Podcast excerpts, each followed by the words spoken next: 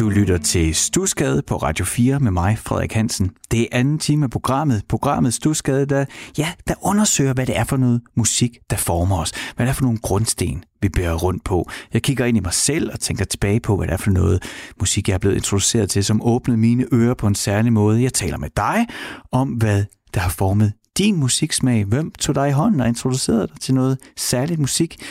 Og så har jeg gæster her i studiet, og i anden time har jeg jo en gæst hernede i mit kælderstudie. Jeg sender ikke ned fra Banegårdspladsen, jeg sender fra min egen kælder, lige midt i Aarhus, det gamle Aarhus, i Stusgade. Og om lidt får jeg besøg af Kajsa Vala. Hun er dansk-islandsk øh, sanger, komponist, og for mig nok mest af alt guitarist. Det siger jeg ikke, fordi hun ikke er en god sanger eller en god sangskriver. Det siger jeg, fordi hun er en formidabel guitarist. Hun er en af Danmarks bedste guitarister, og hun var også øh, den, som Sune Wagner fra Psyched Up Janis ringede til, da han havde brug for en ekstra guitarist på øh, Psyched Up Janis' seneste tur. Men udover det, så laver hun sin egen musik, som er dyb country roots, western, funderet med sådan en, ja, både Nashville, men også en nordisk melankoli, hvis man kan sige det. Her kan du i hvert fald få en smagsprøve, nej, ikke engang en smagsprøve, jeg spiller et helt nummer med Kajse Vale, som øh, kommer ned ad trappen lige nu her. Så her kan du høre Let the Dust Fall.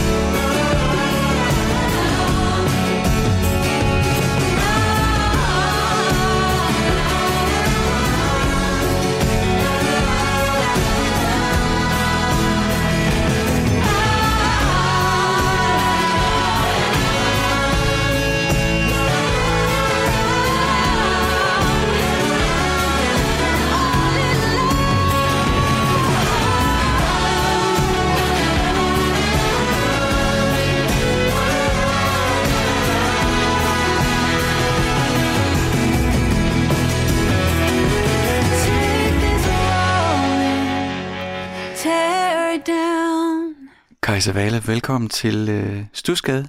Nu vil lige lytte til dig, og nu er du også hernede i kælderen. Nu er jeg ikke alene i Stusgadekælderen. Mange tak. Jeg er rigtig glad for, at du kunne komme. Øh, jeg har jo gang i det her projekt, hvor jeg taler med kunstnere om, hvad det er for nogle musikalske grundsten, I går rundt med. Og det er det, jeg gerne vil tale med om det næste lille times tid, at vi sådan lige kommer tilbage til, hvem var det, der tog dig i hånden? Øh, hvem tændte for stereoanlægget, eller var det musikken i bilen, eller hvad det var, der ligesom åbnede dine ører op første gang. Så jeg tænker egentlig bare, at vi skal begynde der. Ja. Øh, vil du prøve at tage os til med, tilbage til der, hvor du oplever, at musikken går fra at være et eller andet fint, eller noget, der er der i baggrunden, til hvor du må stoppe op, eller hvor du lige pludselig skal forholde dig til musikken, hvor musikken gør noget ved dig? Det er egentlig relativt tidligt, når jeg sådan prøver at tænke tilbage. Det har fyldt meget, mm-hmm. altså før jeg nærmest kan huske. Hvor er vi henne i verden, og hvilken tid er vi? Jamen, vi er i Åby Høj i 80'erne. Så det er lige ude for Aarhus her, en lille forstad. Lige præcis. Øhm...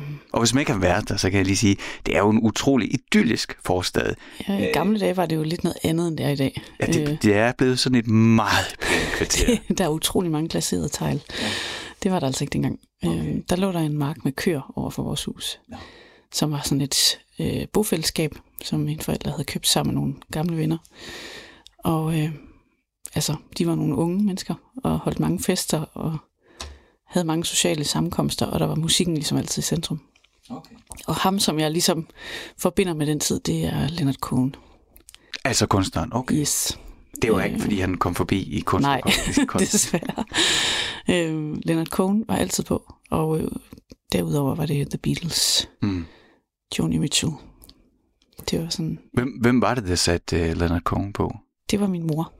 Hun var stor fan af Leonard Cohen. Og øh, jeg, jeg, på en eller anden mærkelig måde, så jeg tror, jeg var meget sådan øh, indadvendt, øh, melankolsk barn, det jeg mig ind. For jeg var utrolig draget af sådan den der melankolske tone i alt musik. Mm. Altså, hvis man havde et eller andet album, så var det altid en sørgelig ballade, jeg ligesom blev tiltrukket af. Okay. Ja. Når du sådan tænker tilbage til, til bofællesskabet, hvor du voksede op, og du siger, at det var allerede ret tidligt, at du som blev draget af det melankolske, og din mor satte det på. Vil du prøve at male nogle billeder for os, tage os tilbage til den tid? Hvad det, hvor, hvor, hvor blev musikken spillet? Var der et stort øh, anlæg i stuen, eller hvordan oplevede du musikken dengang? Jamen, der var et, øh, et anlæg, som havde sådan en rimelig central plads, øh, og min far havde bygget højtalerne selv. Mm. Øhm, og så var der bare en kæmpe vinylsamling. Okay. Og det var jo ligesom, det fyldte ret meget i stuen. Øhm, og jeg tror egentlig bare, jamen det blev ret meget sådan noget, man gjorde i weekender, og nogle gange kunne vi få lov til at sidde i kø og vælge sådan en vinyl og kigge, ja, så nu er det min tur, nu vil jeg gerne høre den her øh, plade med radio, eller et eller andet. Mm-hmm. Dodo and the Dodos. Øhm, og andre gange så hørte vi The Beatles, eller ja, Tracy Chapman, så Jeg tror, der var alt muligt. Mm. Øhm, og nogle gange valgte man, fordi at farverne på coveret var flotte, og andre gange så var det, oh, der var noget, min store søster, hun synes, den der plade var mega fed, så jeg skal lige høre det der nummer igen, agtigt. Mm. Så det var virkelig noget, der sådan blev gået op i, føler jeg. Ja. Nu har vi jo, øh, vi har begge to børn. Jeg tænker sådan tit på, eftersom jeg arbejder med det her, og, og, og har mange samtaler omkring det, så får jeg også en bevidsthed i forhold til mine egne børn. Jeg tænker, gud, jeg har jo ikke gjort mig, og det har jeg virkelig ikke, jeg har gjort mig nul tanker om at introducere dem til noget musik, eller hvad der skulle egentlig, den, hvor man tænker, gud, det kunne jeg jo egentlig have haft en stor indflydelse på. Ja. Og min datter hører TikTok-pop. Og det er jo simpelthen det musik, der bliver brugt på TikTok. Og ja. det, man kan, det kan man jo let komme til at grine af. Det gør jeg også. Men det viser sig, at det er jo rent faktisk en utrolig stærk markedsføringskanal, som pladeselskaberne har fuld opmærksomhed på lige nu. Ja. For hvis du kan break en sang på TikTok, så er vi, så er vi oppe i de der millioner af streams. Men jeg har også en rigtig god ven, øh, vennepar, Simon og Lisbeth, og de har tre børn, og de har i den grad fodret deres børn med Beatles og altså det, som jeg vil sige, gode vinylvitaminer. Ikke? Og alligevel så elsker de der børn jo også tyggegummi pop. Jeg tror, det gør man på... Altså, der er et tidspunkt der, hvor det... Mm, når det, som alle de andre er omkring, så er det også det. Så jeg forstår godt, hvad du siger, når du, altså, du sender for MTV og de der ting, og, og det er jo det. Men, øh, men det er jo også din første reaktion er jo også Leonard Cohen. Ja. Jamen, ja, det er jo det, jeg forbinder med... Altså, musik er jo følelser, så man forbinder det med alt muligt. Mm. Øh, og på en eller anden måde, så, så har det bare været et soundtrack til min barndom. Mm-hmm. Sådan alt det musik, jeg ligesom har fået ind. Øhm, og jeg tror først, det er senere, man forstår det. Øhm, der var mange, mange år, jeg overhovedet ikke hørte Joni Mitchell, for jeg havde hørt alt for meget derhjemme. Og nu, Okay. nu hører jeg det rigtig meget, og er meget inspireret af det. Ja. Øhm, det kan man bare ikke komme udenom, det ligger nok sådan i blodet på en eller anden måde. Mm. Øhm, ja. Min datter på fire, hun meget helst, hun vil helst høre Casey Musgraves. Hvem er det? Det er en øh, amerikansk country pop. Okay. Øst. Ja, men det er godt, du siger det, fordi at, det, altså, det er jo sådan noget, du har rigtig meget styr på. Det er jo, du kommer fra den der folk-scene, og har også været i Nashville, og har styr på din country. Og det er jo, altså, jeg har lige haft en anden samtale, hvor jeg må sige, jamen, prøv, lige der, der er så mange ting, jeg føler ligger og venter på mig. Jeg har en fornemmelse af, at jeg godt ved, hvornår at det er plastic country, og hvornår at det er ægte country, uden jeg lige Ja. helt kan definere Ja. det her. Men det er, jo, altså, det er jo en genre, hvor jeg slet ikke rigtig kan nævne nogle navne, ud over de aller, aller, aller største. Jo. Og der håber vi kommer til at snakke lidt om senere. Leonard Cohen, altså sådan en barndom med Leonard Cohen som soundtrack. Det er jo lidt som du sagde, sådan, det er jo noget melankolsk og sørgmodigt. Er det også sådan, du tænker tilbage på den tid i Åby Høj? Mm, i både og, som sagt, så, jamen, jeg tror, jeg er sådan lidt et, et mærkeligt introvert melankolsk menneske. Jeg er meget draget af, af stemninger på den måde. Mm. Øh, ikke fordi jeg er, er deprimeret eller deprim. Jeg synes bare, der er noget smukt ved det. Øh, ja. Og det er sådan en, ja, det er jo også noget af det, der er nemmest at gengive, tror jeg, i musik og litteratur. det må du Altså, gerne lige uddybe. Jamen, jeg tror, hvis du spørger hvilken som helst sangskriver, så er, det, så er det nemmere at skrive en sørgelig sang, end det er at skrive en anden glad øh, Mhm. sang, fordi der er ligesom mere på spil. Måske. Jeg ved det ikke. Mm-hmm. Det kan være noget, jeg bilder mig ind. Nej, men det kunne jeg godt tænke mig at blive lidt i. Altså det der, øh, hvis du vil tage os med ind. Og, øh, altså jeg har jo som sagt den der egne erindring af Wanna Know What Love Is, der brusede ind over mig. Altså hvad er det, når du står ud der som barn, og, og så Leonard Cohen, han sang, hvad, hvad, var det, hvad var det for nogle billeder, du fik i hovedet? Hvad var det, det gjorde ved dig? Jeg tror mere, det er hans tonesprog og hans valg af akkorder. Og... Aha. Men jeg, f- jeg fattede jo ikke noget som helst af, hvad der blev sunget. Nej. Øhm, ja, jeg tror måske bare, det er det der med, at man kan mærke noget. Øh, man kan mærke et eller andet. Og spejler måske noget i det, man hører, eller jeg ved det ikke. Men skal vi ikke så prøve at høre noget, og så se, om det også gør noget dig nu? jo. Hvad er det, du valgte, vi skal lytte til? Ja, famous Blue Raincoat. It's four in the morning, the end of December. I'm writing you now just to see if you're better. New York is cold, but I like where I'm living. There's music on Clinton Street all through the evening. I hear that you're building your little house deep in the desert. You're living for nothing now. I hope you're keeping some kind of record. Yes, and Jane came by with a lock of your hair. She said that you gave it to her that night that you planned to go clear.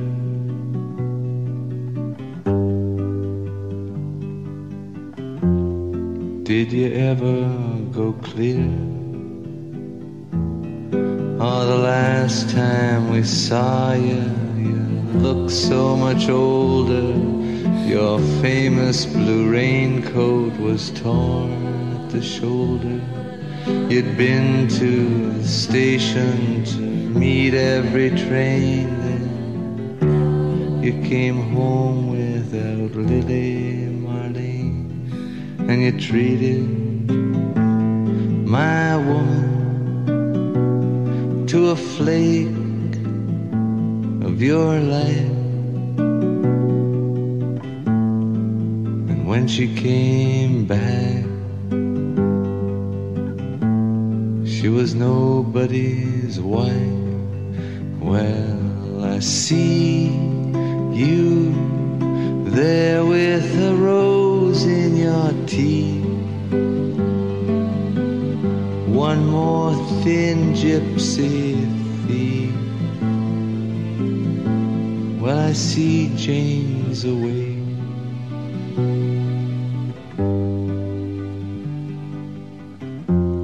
She sends her regards.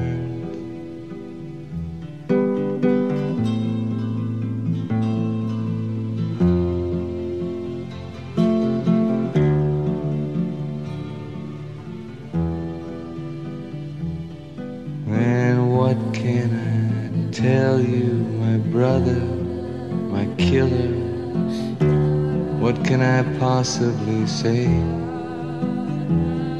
I guess that I miss you. I guess I forgive you. I'm glad you stood in my way. If you ever come by here for Jane or for me, well, your enemy is sleeping and his woman is free. Yes, and thanks for the trouble you took from her eyes. I thought it was there for good, so I never tried.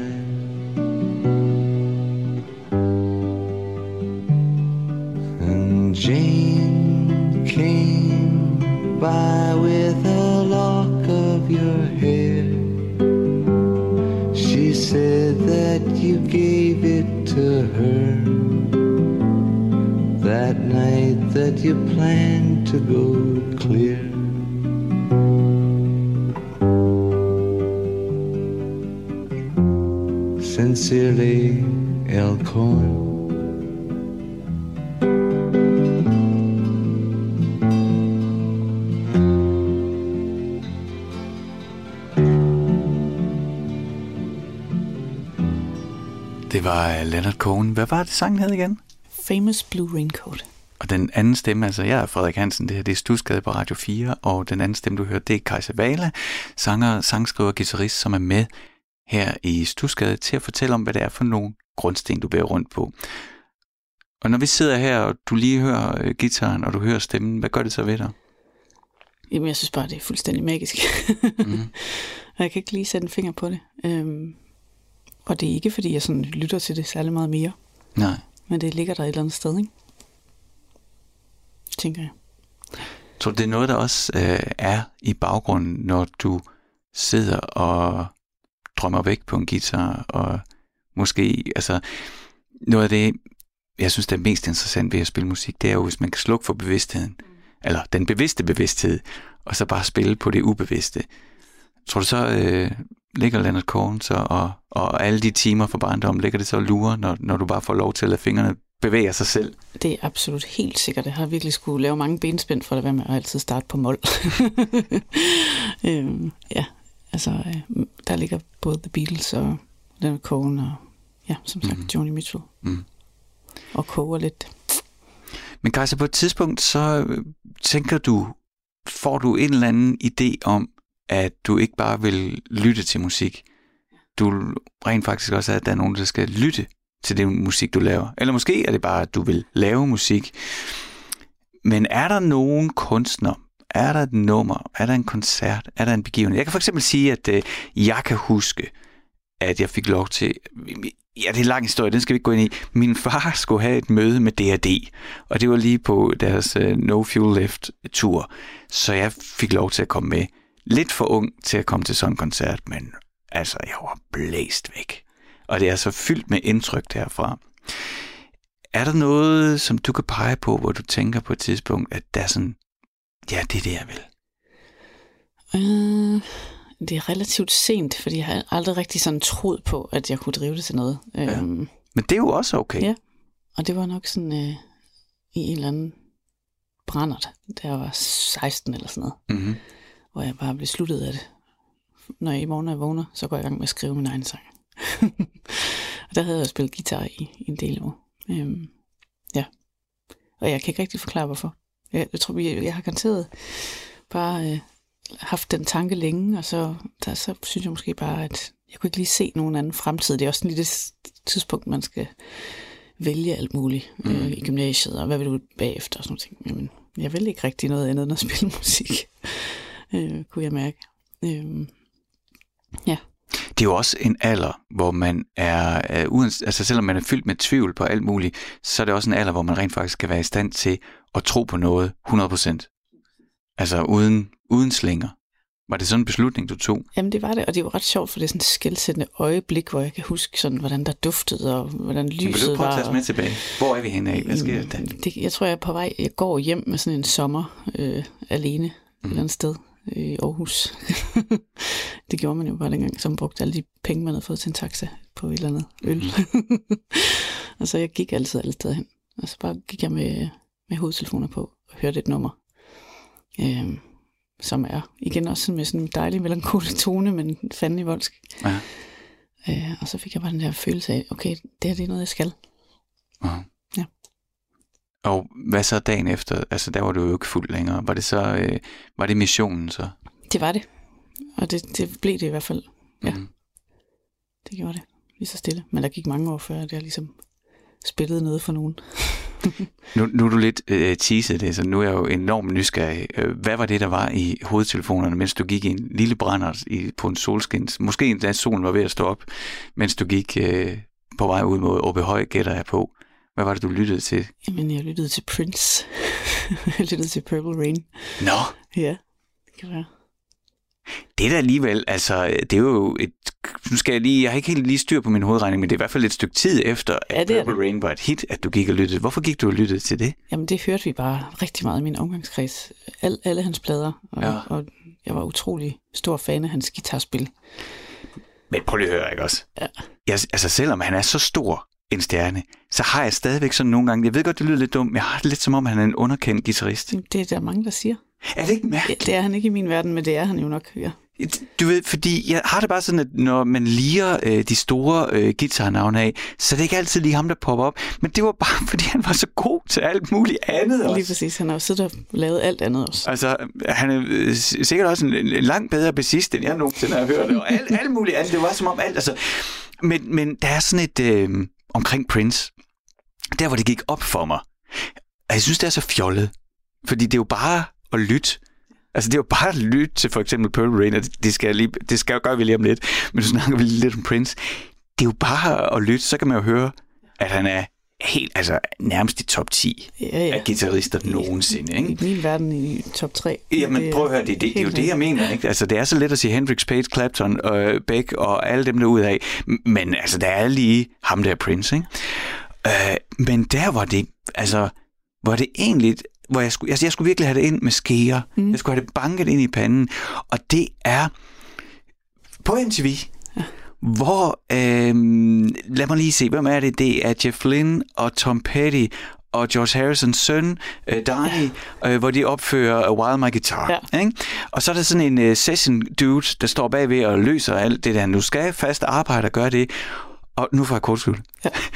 Fordi på et tidspunkt, så bliver der kaldt på Prince fordi nu skal han ind og lukke af. Og altså hele hans aura, hans udstråling, måden han træder ind med den der telecaster. Hans lyd. Hans lyd. Fordi det, og det er en rigtig god pointe, fordi ham der sessionmanden, der stod og spillede alting, det er lidt træls. Ja. Han spiller fedt, men det lyder lidt træls. Og jeg kan ikke helt lige sige, hvorfor. Det er sådan på en eller anden måde. Ja. Og så kommer Prince. Og, og, og blikkene. Altså en ting er, hvad man lytter til, og man spiller. Men det, som det sker... Oh, jo, Steve Winwood står også og spiller hammerne over i baggrunden. Ikke? Det, det er bare superstjerner på superstjerner. Ikke? Og så kommer han ind, og han outshiner alle. Og George Harrison søn, han kigger lige op, og han har lige sådan en smil på et tidspunkt. Uh!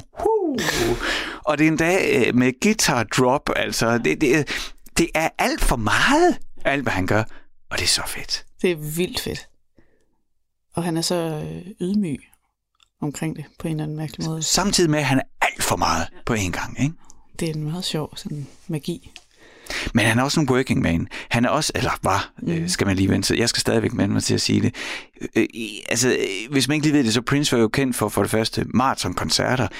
Så han lagde sine timer. Ja. Når du købte en billet, ikke, mm. så var det altså ikke øh, 55 minutter showcase. han lagde sine timer, og så skulle man jo lige vide, øh, hvor øh, efterfesten, efterfesten var. Ja, ja.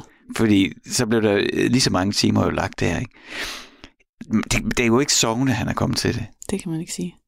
Nej, det er helt vildt. Men det er også historien med det her nummer med Purple Rain, at det vist nok er et country-nummer, han havde skrevet med henblik på, at Stevie Nicks skulle skrive teksten til okay. og synge den. Og det var hun bare alt for, altså, ja, hun var sådan, nej, nej, nej, nej, nej, det kan jeg jo ikke. Altså, han er for vild, og jeg tør slet ikke. Ah. Så hun sagde nej tak. Og så havde, øh, så havde de stået, jeg tror det var Wendy fra Wendy og Lisa, der havde stået og spillet akkorderne på en lidt anden måde.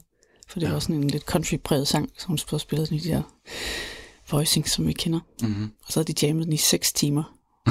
og så havde han skrevet en tekst, og så var den færdig. Det er, det, det, det, altså, når man hører om de der indspillingsprocesser også, som der var omkring Prince, jeg synes, han er noget af det mest bemærkelsesværdige overhovedet, altså når vi snakker rock og pop og rytmisk musik. Altså, det er helt Ja, det er meget sjovt, fordi han er sådan en, der stikker lidt ud, øh, hvis du kigger på, hvem jeg meget lytter til. Men, mm. øh, men det er altid ham, jeg vender tilbage til.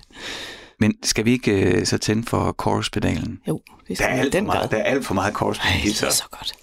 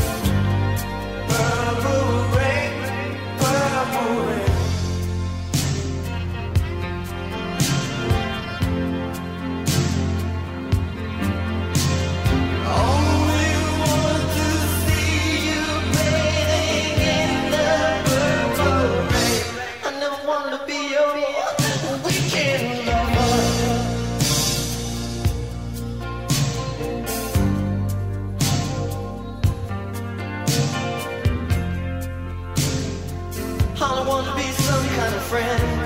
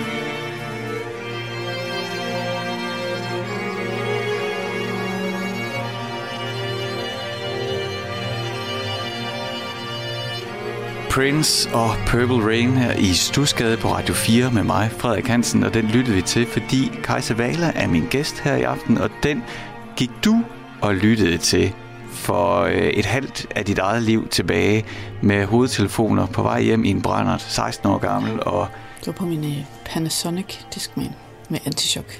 there you go. Yes. Sådan småfuld Yes. en sommermorgen, det er, jo, det er jo i øvrigt ikke det værste Ej, vejr, det er en, sådan, en, en sommermorgen, og så gå ud til Åby Høj, og der øh, til tre toner, der tog du beslutningen, yes. det skal jeg også. Mm. Jeg skal spille guitar. Jeps. Hvad skete der så? Jamen, øh, så måtte jeg jo øve mig lidt mere. øhm, og så skete der det, at øh, et par år efter, så kom jeg med i et aarhusiansk pigeband, øhm, som havde en pladekontrakt og havde gang et stykke tid. Det var sådan nogen, jeg havde hørt lidt om, og sådan, ej, fuck mand, de har ingen guitarist. Det burde, jeg, det burde være mig. Mm. og så en anden dag, så ringede de. Øhm, og så spillede jeg med dem i små seks år Mm-hmm. og turnerede rundt og lavede alt muligt sjovt. Lavede alle mulige demoindspilninger og, og blev efterhånden bedre og bedre til at spille guitar. Øhm, og så tænkte jeg, at nu er jeg på kons. Og så øvede jeg mig helt vildt. og lavede alt muligt mærkeligt. Er, er du sådan en disciplineret guitarspiller? det er jeg nemlig okay. overhovedet ikke. Nej. Men der var jo ligesom noget, der skulle ordnes, før jeg kunne komme ind. Ja. Ja. og jeg søgte også ind og kom overhovedet ikke ind. Øhm, og så tænkte jeg, "Nå, men så, så må jeg jo få mig en lærer, og ligesom begynde at ja, lukke nogle af de der huller, jeg havde. Øhm, og så kom jeg ind året efter. Mm. Og så var der jo ligesom bare ikke nogen vej tilbage. Så skulle jeg jo bare øve mig endnu mere. Ja. Så, ja. Og så samtidig så gik jeg jo i al hemmelighed og skrev en masse numre ved siden af til mig selv, som jeg på et eller andet tidspunkt skulle samle mod til at synge for nogen. Men det kom først senere. Tror jeg. Jeg var nok 23 eller sådan noget. 24. Vi har jo øh, både hørt uh, Leonard Cohen, fordi det var det, der var i bogfællesskabet i høj grad. Det var det, din mor satte på. Det er det, du voksede op med, og vi har talt om, at der er en melankolsk tone, fordi du forstod jo ikke ordene, eller fortællingerne, eller hvad det var, men du kunne jo godt mærke følelsen.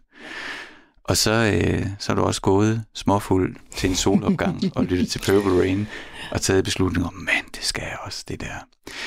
Og på trods af, at du så jo så har spillet i forskellige konstellationer og er uddannet på konservatoriet, så er det, så må du på et tidspunkt til Nashville. Det, ja, og det er også en sjov øh, lille sidehistorie. Eller det er sådan, jeg var i Nashville første gang, da jeg var ni. Fordi at øh, vi var på ferie i, i USA i, ja, det har været halvanden måned eller sådan noget. Min far boede derovre på et tidspunkt. Mm. Og så lavede, havde vi sådan en roadtrip. Og det var lige der, hvor øh, Harvest Moon var kommet ud. Ah, Og jeg, jeg husker sådan at køre igennem Texas, hvor der er helt øde, og se nede, sådan, du kan se kaktus, mm.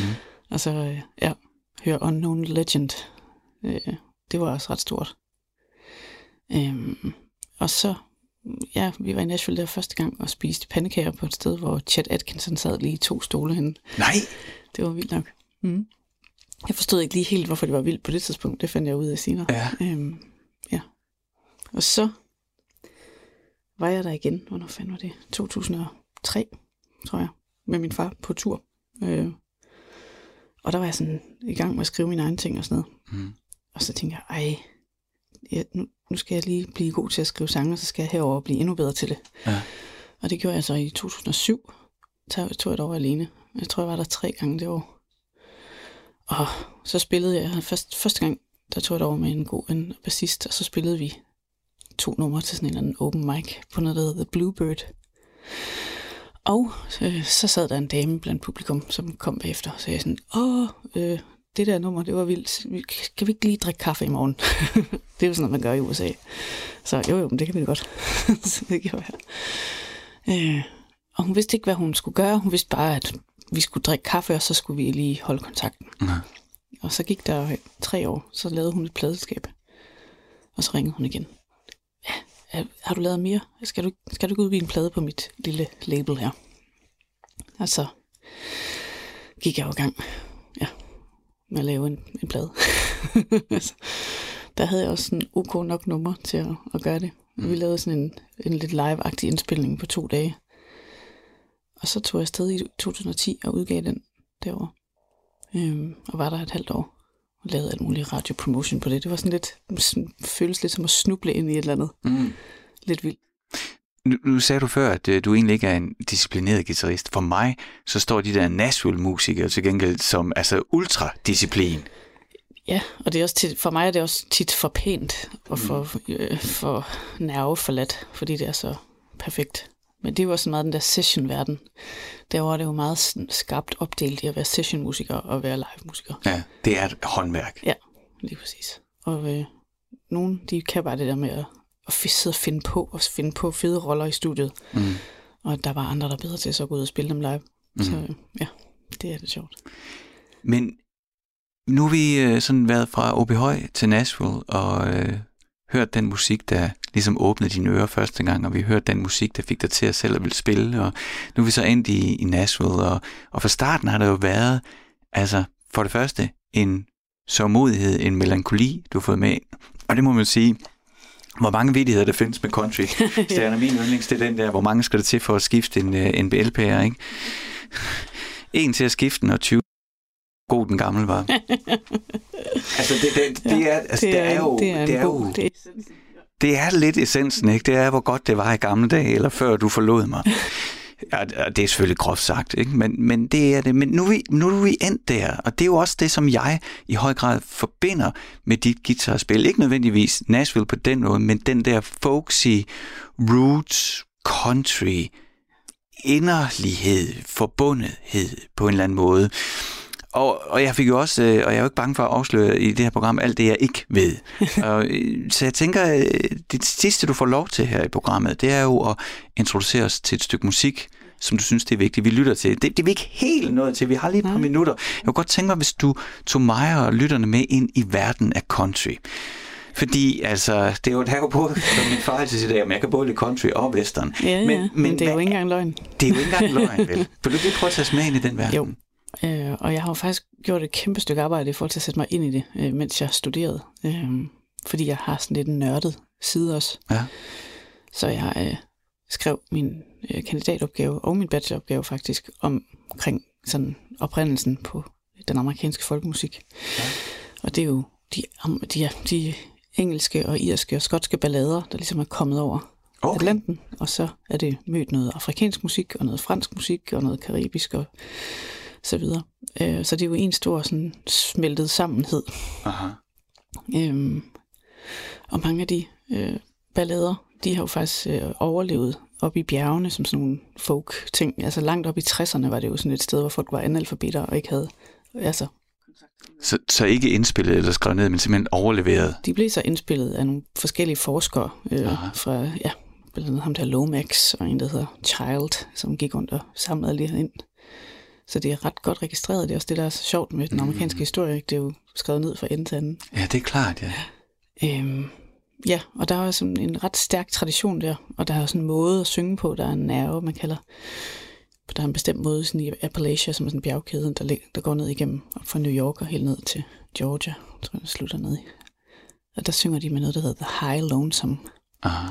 Og det er jo oprindeligt sådan lidt ligesom afrikansk stammemusik, at du skal synge lidt mere nasalt for at kunne skære igennem, når der er Ah, ja, instrumenter, der okay. spiller. Ikke? Så du Ja. har sådan en, en anden klang. Ja. Og den kan man høre i noget musik. Stadigvæk. Og du har jo valgt, at, øh, at vi skal runde øh, vores snak af med et, øh, med et stykke country. Ja, det er sådan noget af det mest moderne, der er lige nu. Hvorfor du Fra valgt det? den, øh, jamen, det, øh, det er fordi, det er en stor... Øh, det er sådan en collab med en masse mennesker. Og øh, hende, der er hovedkvinden bag det, en, der hedder Brandy Carlisle, som jeg oplevede spille med The Nashville Symphony tilbage i 2014, og blev fuldstændig blæst væk. Mm. Og så gik der ikke ret mange år, så blev hun kæmpestor, og har vundet, jeg ved ikke, mange Grammys osv. Og hun er oppe i 40'erne, så hun er sådan en late bloomer. Ja. Øh, det kan jeg godt lide at spejle mig i. Det er ligesom Bonnie Raitt. Hun er Ja. sådan en late bloomer. Øhm, og hun har samlet nogle stærke sangskriver, damer. Og så er det sådan en pun på The Highwaymen. Så det The High Women. Women. Yes, så det bare The Highwaymen. og The Highwaymen, det var jo Waylon Jennings og Willie Nelson og alle de her. Præcis. som man sikkert yes. kan huske. Det er i hvert fald sådan en ikonisk musikvideo, yes. hvor de hænger op i skyerne. Nemlig. Ja, ja. Og så er det en, den er produceret af en, der hedder Dave Cobb, som også er en total stjerne inden for den der amerikaner-genre lige nu. Og øh, Jason Isbell spiller guitar, og jamen, det, er, det er stjernespækket, når man lige læser de der så det bliver øh, din gave til mig og til lytterne. Det er en håndsudrækning og en invitation ind i countryen. Kajsa Vale, tusind tak, fordi at øh, du tog dig tid til at komme tak, herned i, i kældernes stusgade og fortælle om, hvad det er for nogle grundsten, du øh, bærer rundt på. Så jeg siger rigtig, jamen, tusind tak for din tid. Og jamen, så selv tak. runder vi øh, den her samtale af med The Highway Women The High Women. The High Women. yes. Nej, du får lov til at introducere. Vil du ikke introducere, hvad der vi skal lytte? Så får du simpelthen lov jo. til at sige farvel til den på den måde. Nu er det dig, der er Vi skal høre et nummer fra en plade med et orkester, der hedder The High Women, som er fem kvindelige kunstnere, som har lavet en plade sammen. Og det her nummer, det er sunget af en, der hedder Maren Morris, som egentlig er kendt som sådan en lidt mere tykkegummi pop country pige. Øh, hun, har, hun, har, hun indeholder lidt mere, det kan man høre på det her nummer, og det hedder Old Soul.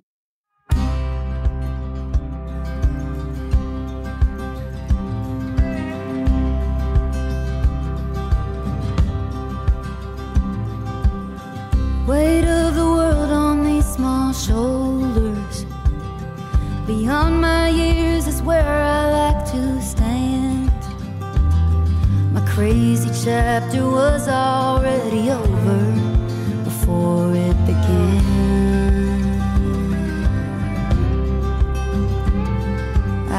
Listen to vinyl for the scratches. I find myself in other people's shoes. I fix my mama's problems like a habit. And daddy's too. Oh, to be a wild child.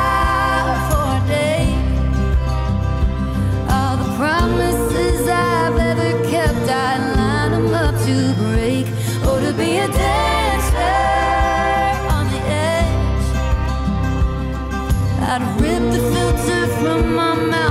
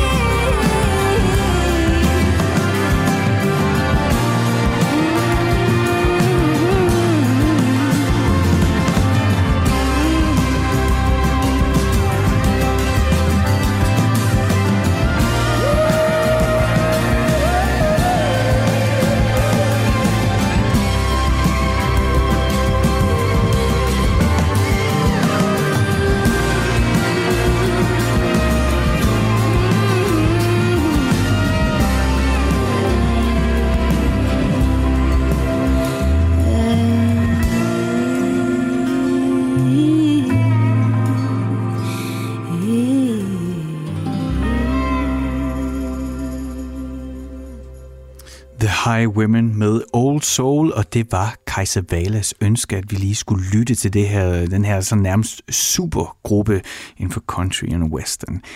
Det er også fedt. Altså, hver gang jeg bliver for lov, at nogen spiller sådan noget, ja, det er så dumt at sige ægte country, ikke? Øh, men noget, der ikke er sådan karikeret, hvor det bare kommer ud af noget, der virker som en ærlig og funderet musiktradition, så, så tænker jeg hver gang, mand, jeg skal til at høre mere country.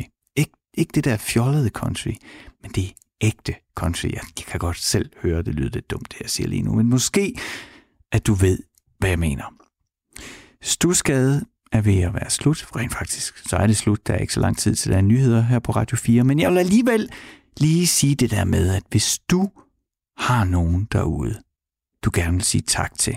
Hvis der er nogen derude, som har formet din musikalske smag. Hvis der er en onkel, der har spillet en særlig plade for dig. Hvis du har en storesøster, som havde en musiksamling, der har formet dig. Hvis din far eller mor altid sang på et bestemt nummer i bilen, og det stadigvæk sidder i dig i dag. Hvis du har sådan en historie med nogen derude, du gerne vil takke for, at de har introduceret dig til en bestemt type musik, så vil jeg mega gerne høre fra dig og have dig med i mit program. Og den letteste måde, øh, ja, der er faktisk tre måder, du kan komme i kontakt med mig på. Du kan sende en e-mail, og den skriver du til stusgade radio4.dk. Stusgade, det er med D i stus. S-T-U-D-S-G-A-D-E. Stusgade radio4, så lander den her i min inbox. Du kan også sende en sms. Det kan jo være, at det der med at skulle åbne dine e-mailprogrammer og bla bla bla. Man ved ikke, hvad der ligger og venter dig af andre e-mails. Det er ikke lige noget, du har lyst til nu, så kan du sende en sms. Det er nemt og hurtigt. Det gør du ved at sende øh, din sms til 1424 1424. Husk at begynde sms'en med R4 mellemrum, og så skriver du ellers din besked derefter, så lander den her i Radio 4 systemer, så kan jeg fiske den ud. Og så er der den tredje mulighed. Ja, der, der er sikkert alle mulige andre, men i hvert fald det en, jeg lige kan finde på, det er, at du kan åbne igen, tag din telefon, og hvis du så har Instagram på din telefon, jamen, så kan du åbne Insta og søge på Frederik Radio i et ord. Så burde det være mig, der dukker op. Så kan du følge mig, og så kan du skrive direkte til mig, og så lander din besked lige her på den telefon, jeg står med i hånden. Stusgade er slut for i dag, men jeg er tilbage igen på næste fredag. Nu er det tid til nyheder her på Radio 4.